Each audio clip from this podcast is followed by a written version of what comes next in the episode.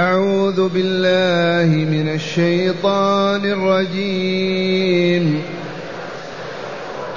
كذب أصحاب الأيكة المرسلين. إذ قال لهم شعيب ألا تتقون؟ إني لكم رسول أمين. فاتقوا الله وأطيعون. وما أسألكم عليه من أجر.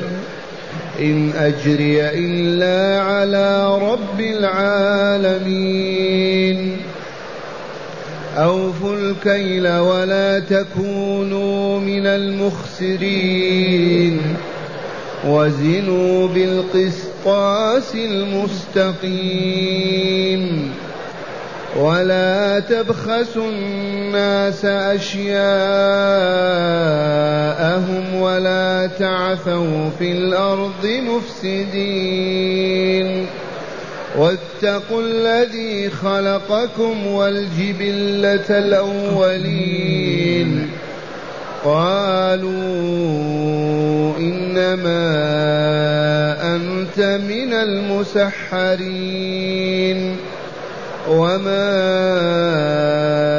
أنت إلا بشر مثلنا وإن نظنك لمن الكاذبين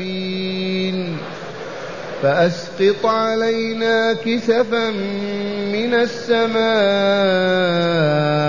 إن كنت من الصادقين. قال ربي أعلم بما تعملون. فكذبوه فأخذهم عذاب يوم الظلة.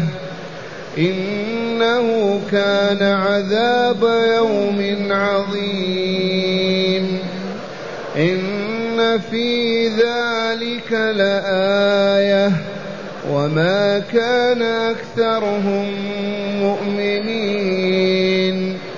وإن ربك لهو العزيز الرحيم. أعوذ بالله من الشيطان الرجيم. كذب أصحاب الأيكة المرسلين. إذ قال لهم شعيب ألا تتقون؟ إني لكم رسول أمين. فاتقوا الله وأطيعون.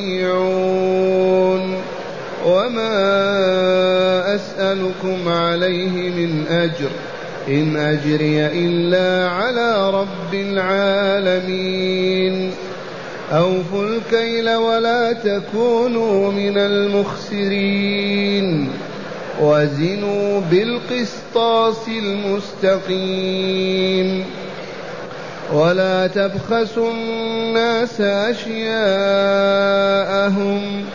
ولا تعثوا في الأرض مفسدين. واتقوا الذي خلقكم والجبلة الأولين. قالوا إنما أنت من المسحرين. وما أنت إلا بشر مثلنا وإن نظنك لمن الكاذبين. فأسقط علينا كسفا من السماء إن كنت من الصادقين. قال ربي أعلم بما تعملون.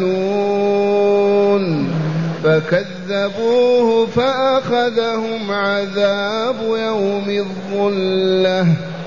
إنه كان عذاب يوم عظيم. إن في ذلك لآية. وما كان أكثرهم مؤمنين. وإن ربك لهو العزيز الرحيم. معاشر المستمعين والمستمعات من المؤمنين والمؤمنات قول ربنا جل ذكره كذب أصحاب الأيكة المرسلين. هذا هو القصص السابع من قصص قص على نبينا في كتاب الله من سورة الشعراء. أصحاب ليكا والأيكة معناها الغيضة أماكن ذات أشجار ملتفة في بعضها البعض. الغيضة الأشجار الملتفة حول بعضها البعض. هذه الأيكة وفيها قراءتان الأيكة وليكة إذا أدخلنا ال الأيكة تكون الجر مجرور أصحاب ليكة وإذا قلنا ليكة ممنوع من الصرف. والمعنى واحد أصحاب أشجار ملتفة عبدوا فيها الشيطان. سول لهم أن يعبدوا غير الله فعبدوا فيها. ثم أين توجد هذه الأيكة؟ قريبة من مدينة شعيب. نبي الله شعيب وهو من أنبياء العرب الأربعة عليه السلام أرسله الله إلى مدين. ومدين مدينة كبيرة وفيها خلق كثير. وقريب من هذه المدينة هذه الأيكة. فأرسله الله تعالى لهم أيضا. رسالته كانت في أهل مدين. ثم لما وجدت هذه الطائفة المشركة تعبد الشجر إذا قال له رب تعالى اذهب إليهم وبلغهم دعوتنا. فهو رسول للجهتين للمدين وللأيكة. قال تعالى مخبرا بالواقع الذي وقع. قال كذب أصحاب الأيكة المرسلين والمراد من المرسلين شعيب عليه السلام. وقد علمتم بالأمس وقبل الأمس أن من كذب برسول يعتبر مكذبا بكل الرسل والدليل قوله تعالى كذب اصحاب ليك المرسلين مع أنه رسول واحد ألا وهو شعيب. ولكن من كذب رسولا من رسل الله وهم ثلاثمائة وأربعة عشر رسولا يعتبر شرعا مكذبا بكل الرسل لأن دعوة الرسل واحدة لا تختلف وهي أن يعبد الله وحده. إذ قال لهم شعيب أي قال لأهل الأيكة ألا تتقون؟ كما قالها هود وصالح وموسى ألا تتقون؟ يحثهم على تقوى الله عز وجل خشية أن ينزل بهم العذاب وتقوى الله بما تكون بالإيمان والعمل الصالح. آمنوا بأن لا إله إلا الله وأن شعيبا رسول الله واعبدوا الله عز وجل بما يشرع لكم ويبين لكم رسوله. ألا تتقون؟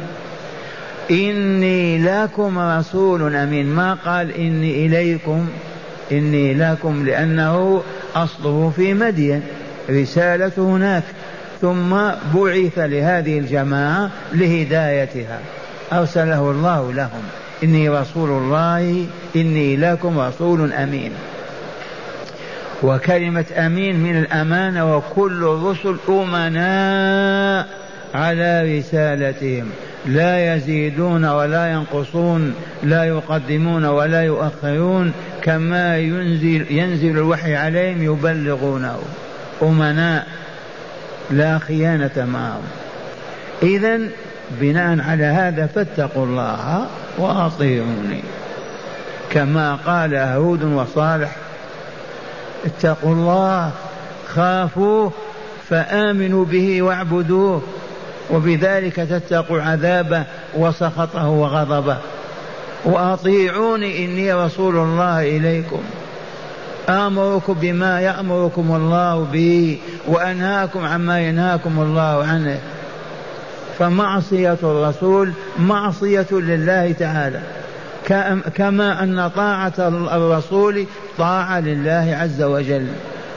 وفي كتاب الله ومن يطع الله والرسول فأولئك مع الذين أنعم الله عليهم. ومن يطع الرسول فقد أطاع الله. لا فرق بين طاعة الله وطاعة الرسول. لأن الرسول يأمر بما يأمر الله به وينهى عما ينهى الله تعالى عنه. فلهذا قال شعيب لهؤلاء الطائفين الهلكة اتقوا الله واطيعون. وما أسألكم عليه من أجر. أي على هذا البلاغ وهذا البيان ما أطالبكم بأجر على هذا أبدا. إن أجري إلا على الله. كما قال هود وصالح وموسى وإبراهيم. ثم قال لهم أوفوا الكيل ولا تكونوا من المخسرين. ومدين كهذه الجماعة معروفون بالبخس في الكيل والوزن. والعياذ بالله من ذنوبهم وجرائمهم الشائعة بينهم أنهم يطففون في الكيل والوزن أوفوا الكيل ولا تكونوا من المخسرين لغيركم. تخسرون أموالهم وتضيعونها وتأخذونها. وفي القرآن المدني ويل للمطففين الذين إذا اكتالوا على الناس يستوفون وإذا كالوا لهم أو وزنوا لهم يخسرون. ألا يظن أولئك أنهم مبعوثون؟ هذه الآية نزلت في المدينة سورة المطففين مدنية. تحدث أهل المدينة قالوا كنا أسوأ الناس كيلا ووزنا. ما إن نزلت فينا هذه الآية حتى أصبحنا أعدل الناس في الكيل والوزن. وقد زرنا المدينة منذ سبع وثمانين سبع وأربعين سنة.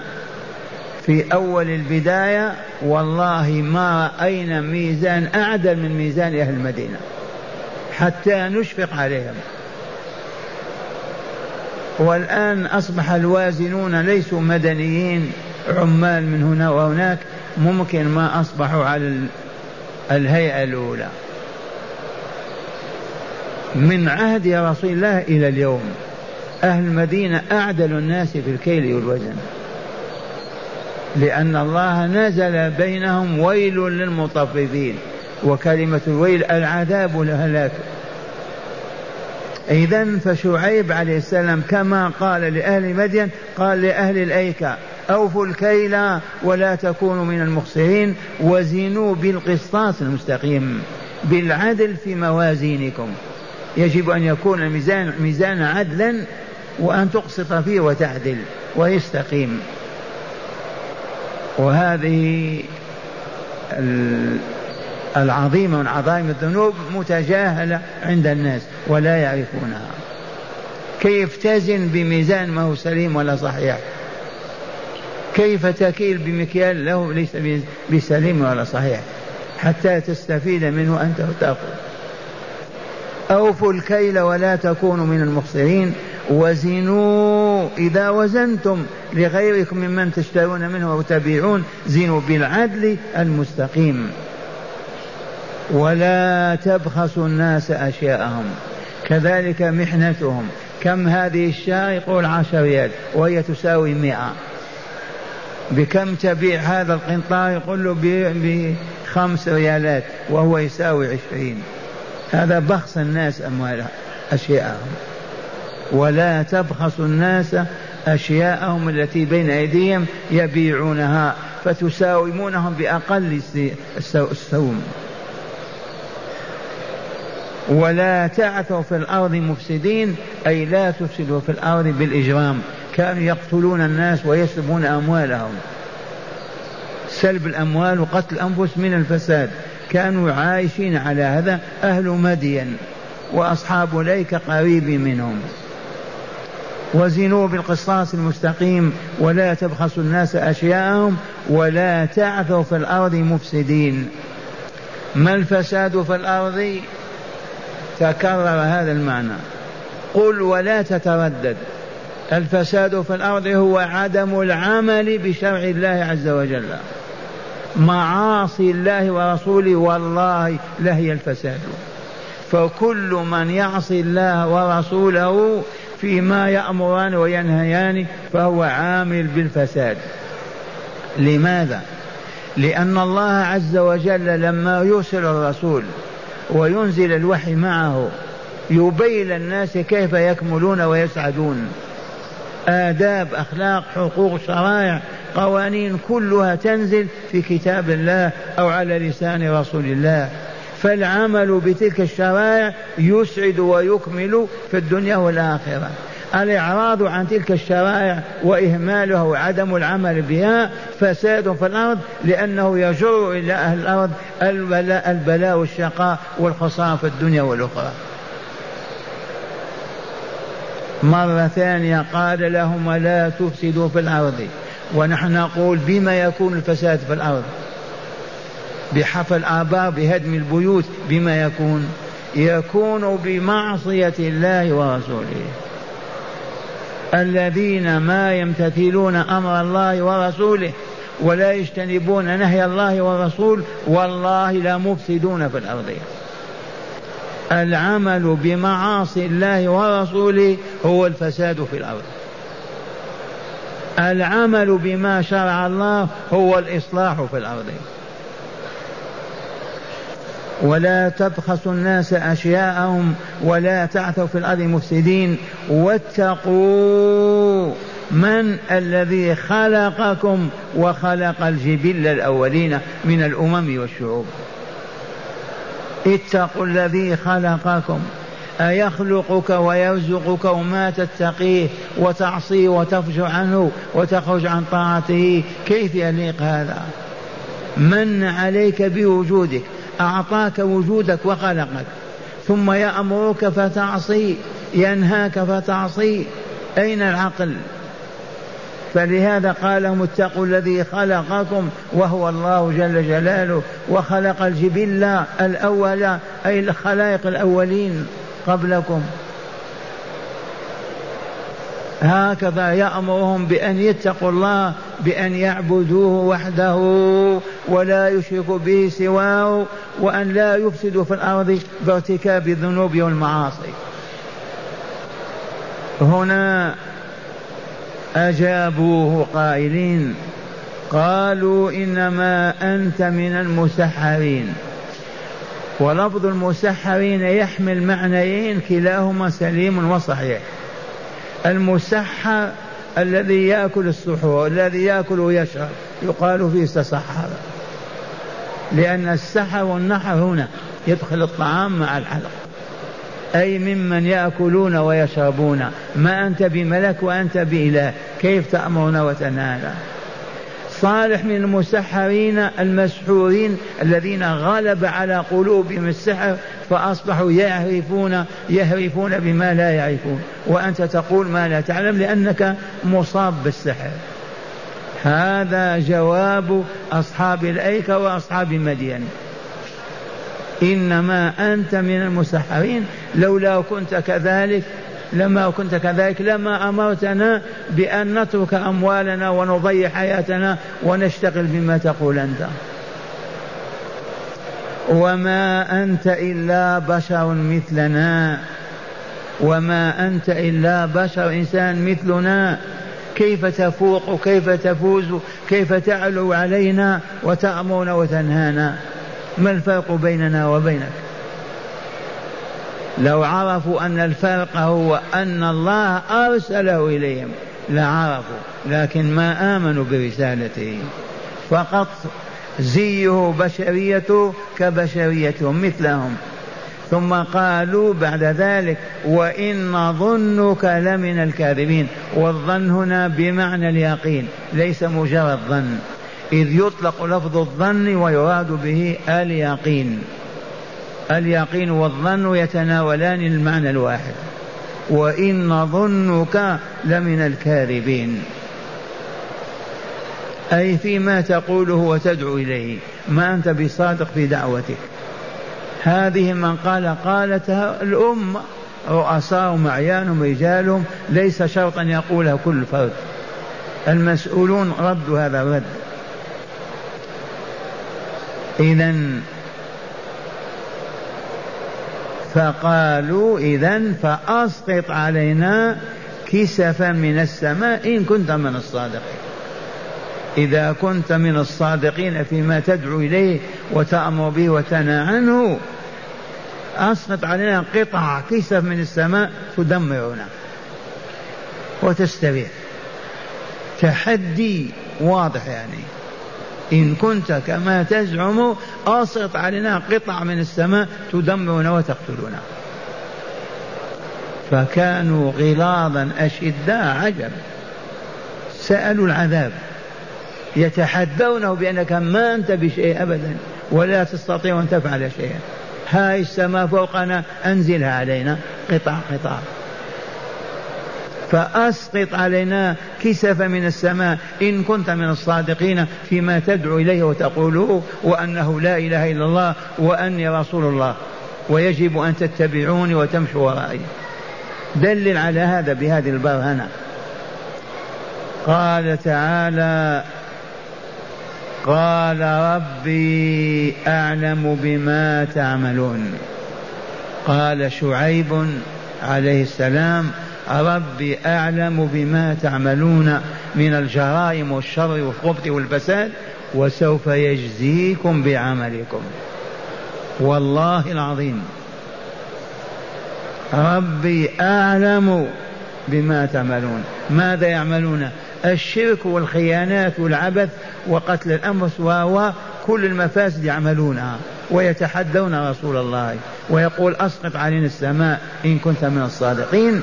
أجابهم عليه السلام بقوله ربي جل جلاله وعظم سلطانه خالق ومالك ومعبود الحق أعلم بما تعملون أي من الشر والفساد والشرك والكبر وسيجزيكم بما أنتم أهل له وهنا قال تعالى فكذبوا. كذبوا شعيبا. أصحاب الأيكة كأصحاب مدين. الكل على منهج واحد وطريقة واحدة. الفسق والفجور والشرك والظلم. فكذبوه فأخذته فأخذهم عذاب يوم الظلة إنه كان عذاب يوم عظيم. بما أهلكهم الله أولا أصابتهم رياح سبعة أيام. حر ملتهبة. يدخلون في الكهوف في الغرام في البيوت ما ما, ما استطاعوا. سبعة أيام واللهب يأكلهم. حرارة فوق المئة درجة. كلما هربوا إلى مكان دخلت الحرارة. فاليوم السابع يرفع الله ظل صحابة عظيمة بعيدة عنهم. ما إن شاهدوا حتى جروا. ليستظلوا بها. فلما جلسوا تحتها ووجدوا بعض الراحة فيها أسقطها الله عليهم. فأهلكهم عن آخرهم فأخذهم فأخذهم عذاب يوم الظلة الظلة من الظلال سحابة كبيرة. وكيف راحوا للسحابة وتوها كما قلت لكم أصابهم حر شديد لا يتصور. سبعة أيام وهم في هيجان لما أظهر تعالى تلك السحابة العظيمة قالوا هذه الظلة. نعم. نهرب من هذا الحر فلما اجتمعوا كلهم تحتها نساء ورجال وأطفال أسقطها الله عليهم. فأخذهم عذاب يوم الظلة إنه كان عذاب يوم عظيم. إي والله. وأهلك الله القبيلتين بهذا العذاب. لطيفة نسيناها. ما قال لهم أخوهم شعيب كما قال هود صالح هنا لا أخوة دين ولا أخوة وطن ولا أخوة نسب. فلهذا قال ماذا؟ إيه؟ قال لهم شعيب ما قال أخوهم شعيب. هذا بمعنى أصحاب الأيكة. أما أصحاب مدين هم منه وهو منهم لكن أصحاب هذه القرية ليسوا منه. فقال لهم شعيب ثم قال تعالى إن في ذلك الذي سمعتم لآية. لآية عظيمة. كيف هذه الآية؟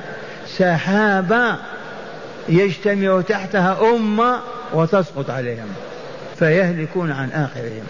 آية تدل على وجود الله وأنه لا إله إلا الله تدل على صدق رسول الله وأنه رسول الله تدل على الدار الآخرة والجزاء فيها لأن هذا من فعل الله عز وجل وتدبيره لخلقه. آية وأية آية أعظم من هذه؟ سبع أيام والحرارة تأكلهم وهم هاربون بنساء وأطفالهم. ضاقت بهم الأرض ظهرت ظل فوق السماء فاجتمعوا تحتها هاربين من الحر تسقط عليهم فيهلكون عن آخرهم. أية آية أعظم من هذه؟ إن في ذلك لآية وما كان أكثرهم مؤمنين. أي أهل مكة الذين تتلى عليهم هذه الآيات ويقص عليهم هذا القصص أكثرهم ما آمن لأنه قضى الله وقدر هذا وأنهم لا يؤمنون. وإن ربك يا رسولنا لهو العزيز الغالب الذي لا يغالب ولا يقهر ولا يحال بينه وبين ما يريد الرحيم بأوليائه وصالح عباده. معاشر المستمعين أسمعكم الآيات تأملوها. كذب أصحاب الأيكة المرسلين. كذبوا من؟ يا أهل الدرس شعيب عليه السلام. إذ قال لهم شعيب ألا تتقون؟ أمرهم بماذا؟ بتقوى الله. رغبهم فيها حثهم عليها. لأن تقوى الله هي سبيل النجاة. من لم يتق الله خسر دنياه وأخراه. ألا تتقون فتتركون الشرك والمعاصي والذنوب والآثام؟ إني لكم رسول أمين. لا أخونكم ولا أكذب عليكم. فاتقوا الله وأطيعوني لأبلغكم رسالة ربي لتعبدوه وتكملوا وتسعدوا وما أسألكم عليه من أجر إن أجري إلا على رب العالمين هو الذي كلفني هو الذي يعطيني. أما أنتم فلا أسألكم شيئا. أوفوا الكيل ولا تكونوا من المخسرين. معاشر المستمعين ليبلغ هذا كل تاجر يبيع ويشتري وأن عليه أن يفي إذا وزن وكالا. ولا ينقص كيلا ولا ميزانا. فقد أهلك الله أمة من أجل هذا. ولكن حسبنا نحن المسلمين ويل للمطففين. الذين إذا اكتالوا على الناس يستوفوا. وإذا كالوا لهم أو وزنوا يخسرون. كالوهم بمعنى كالوا لهم. من ثم ما أصبح مؤمن يستطيع أن يغش أو يخدع أو يزيد أو ينقص في كيله أو وزنه. بل كانوا يعملون آلة كيل إذا اشتروا حتى كبيرة وإذا باعوا آلة أخرى صغيرة حتى يحتفظوا بالزيادة. أوفوا الكيل ولا تكونوا من المخسرين.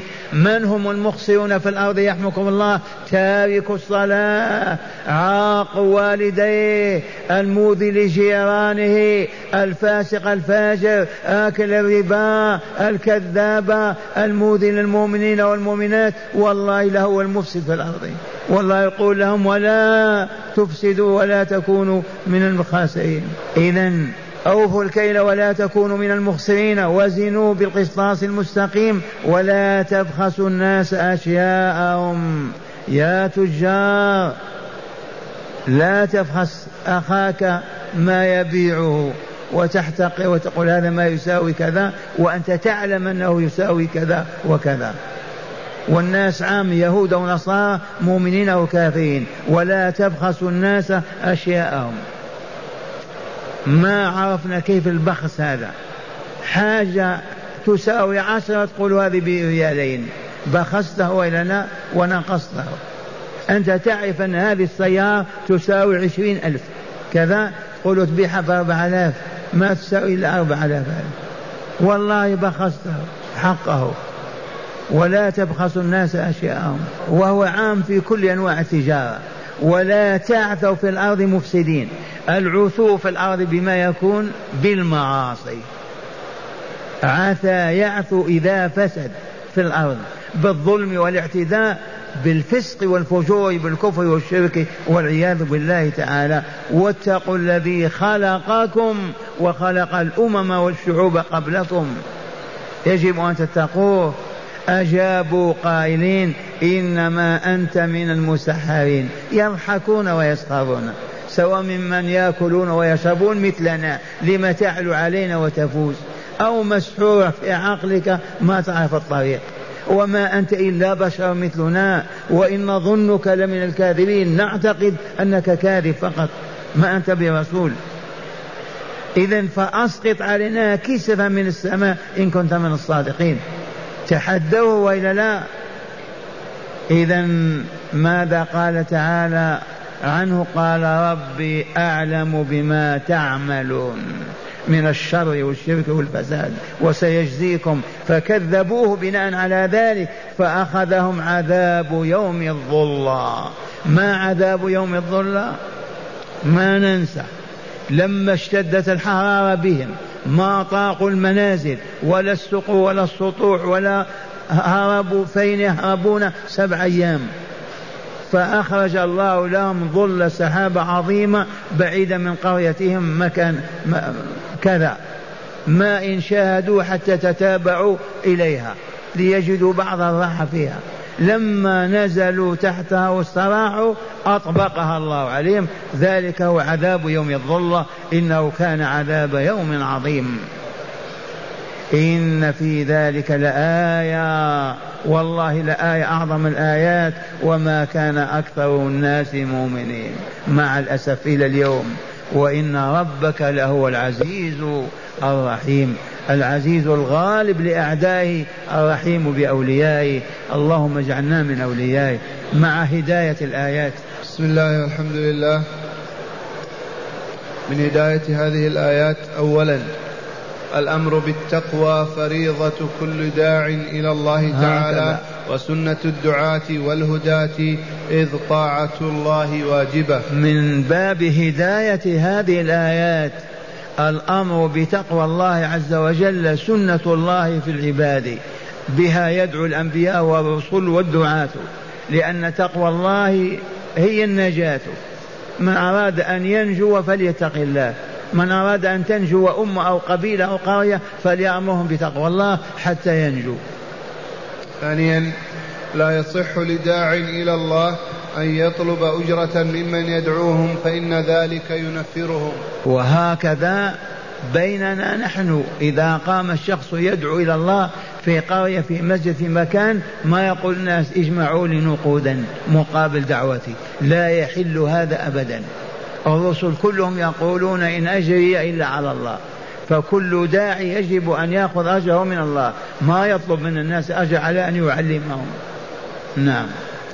ثالثا وجوب توفية الكيل والوزن وحرمة التطفيف فيهما. وجوب توفية الكيل والوزن وحرمة التطفيف والبخس فيهما بإجماع الأمة لا يحل لمؤمن أن يبخس أخاه في كيل أو وزن ولو بجرام واحد وهو قادر عليه.